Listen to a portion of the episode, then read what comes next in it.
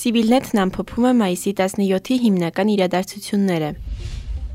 Ադրբեջանի արտաքին գործերի նախարար Ջեյհուն Բայրամովը հերախոսազրույց է ունեցել Ֆրանսիայի իր գործընկեր Ժան-Իվ Լդրյանի հետ։ Զրույցի ընթացքում գլխավորապես քննարկվել է իրավիճակը Սյունիքում։ Ադրբեջանական աղբյուրների համաձայն Բայրամովը անընդունելի է համարել սահմանային լարվածության ուռճացումն ու քաղաքականացումը եւ կարեւորել հարցի բանակցությունների միջոցով կարգավորումը։ Ադրբեջանի արտաքին գործերի նախարարը նաեւ վստահեցրել է Ժան-Իվ Լդրյանին, որ Ադրբեջանի քայլերը կառուցողական են եւ նպատակ ունեն երկար տարիների դադարից հետո երկրի տարածքում ուժեղացնել Հայաստանի հետ սահմանը։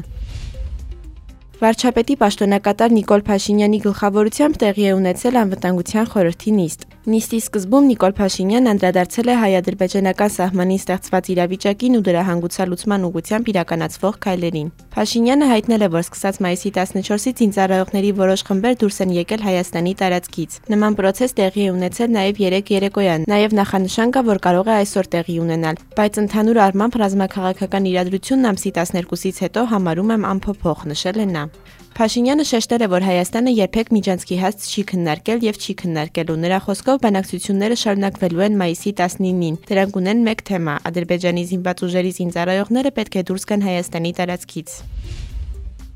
Զենքի արխիվաճարքի բիզնեսով զբաղվող Դավիթ Գալստյանը պատրոն Դավոն, որը գտնվում էր կալանքի տակ, վերաքննիչ դատարանի որոշմամբ ազատ է արձակվել։ Դավիթ Գալստյանին մեղադրանք է առաջադրվել Պաշտպանության նախարարությանը 1983-ից 86 թվականների արտադրության հրանոթի համապատասխան դրամաչափերի արկերի փոխարեն 1977 թվականի չեխական արտադրության մեկ այլ տեսակի հրանոթի արկեր մատակարարելու համար, որը էապես իջել է մարտավարական հատկանիշներով եւ կիրառելու դեպքում անհնար է եղել լուծել մարտական խնդիրներ։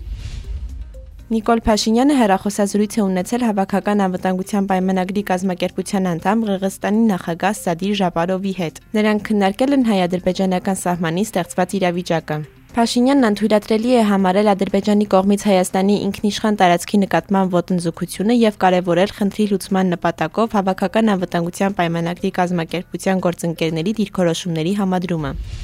Ռուսաստանի նախագահի մամուլի քարտուղար Դմիտրի Պեսկովը հայտարարել է, որ Ռուսաստանը ջանքեր է գործադրում Հայաստանի եւ Ադրբեջանի սահմանին լարվածությունը լիցքաթափելու համար։ Գիտեք, որ ռուսական եւ հայկական կողմերը մշտական կապի մեջ են։ Մենք նաեւ մշտական կապի մեջ ենք Բաքվի հետ։ Նախագահը կողմնակից է երակողմ պայմանավորվածությունների անայլընտրանք կատարմանը։ Այժմ ակտիվ ջանքեր են գործադրվում լարվածությունը լիցքաթափելու եւ իրավիճակը շտկելու համար, ասել է Պեսկովը։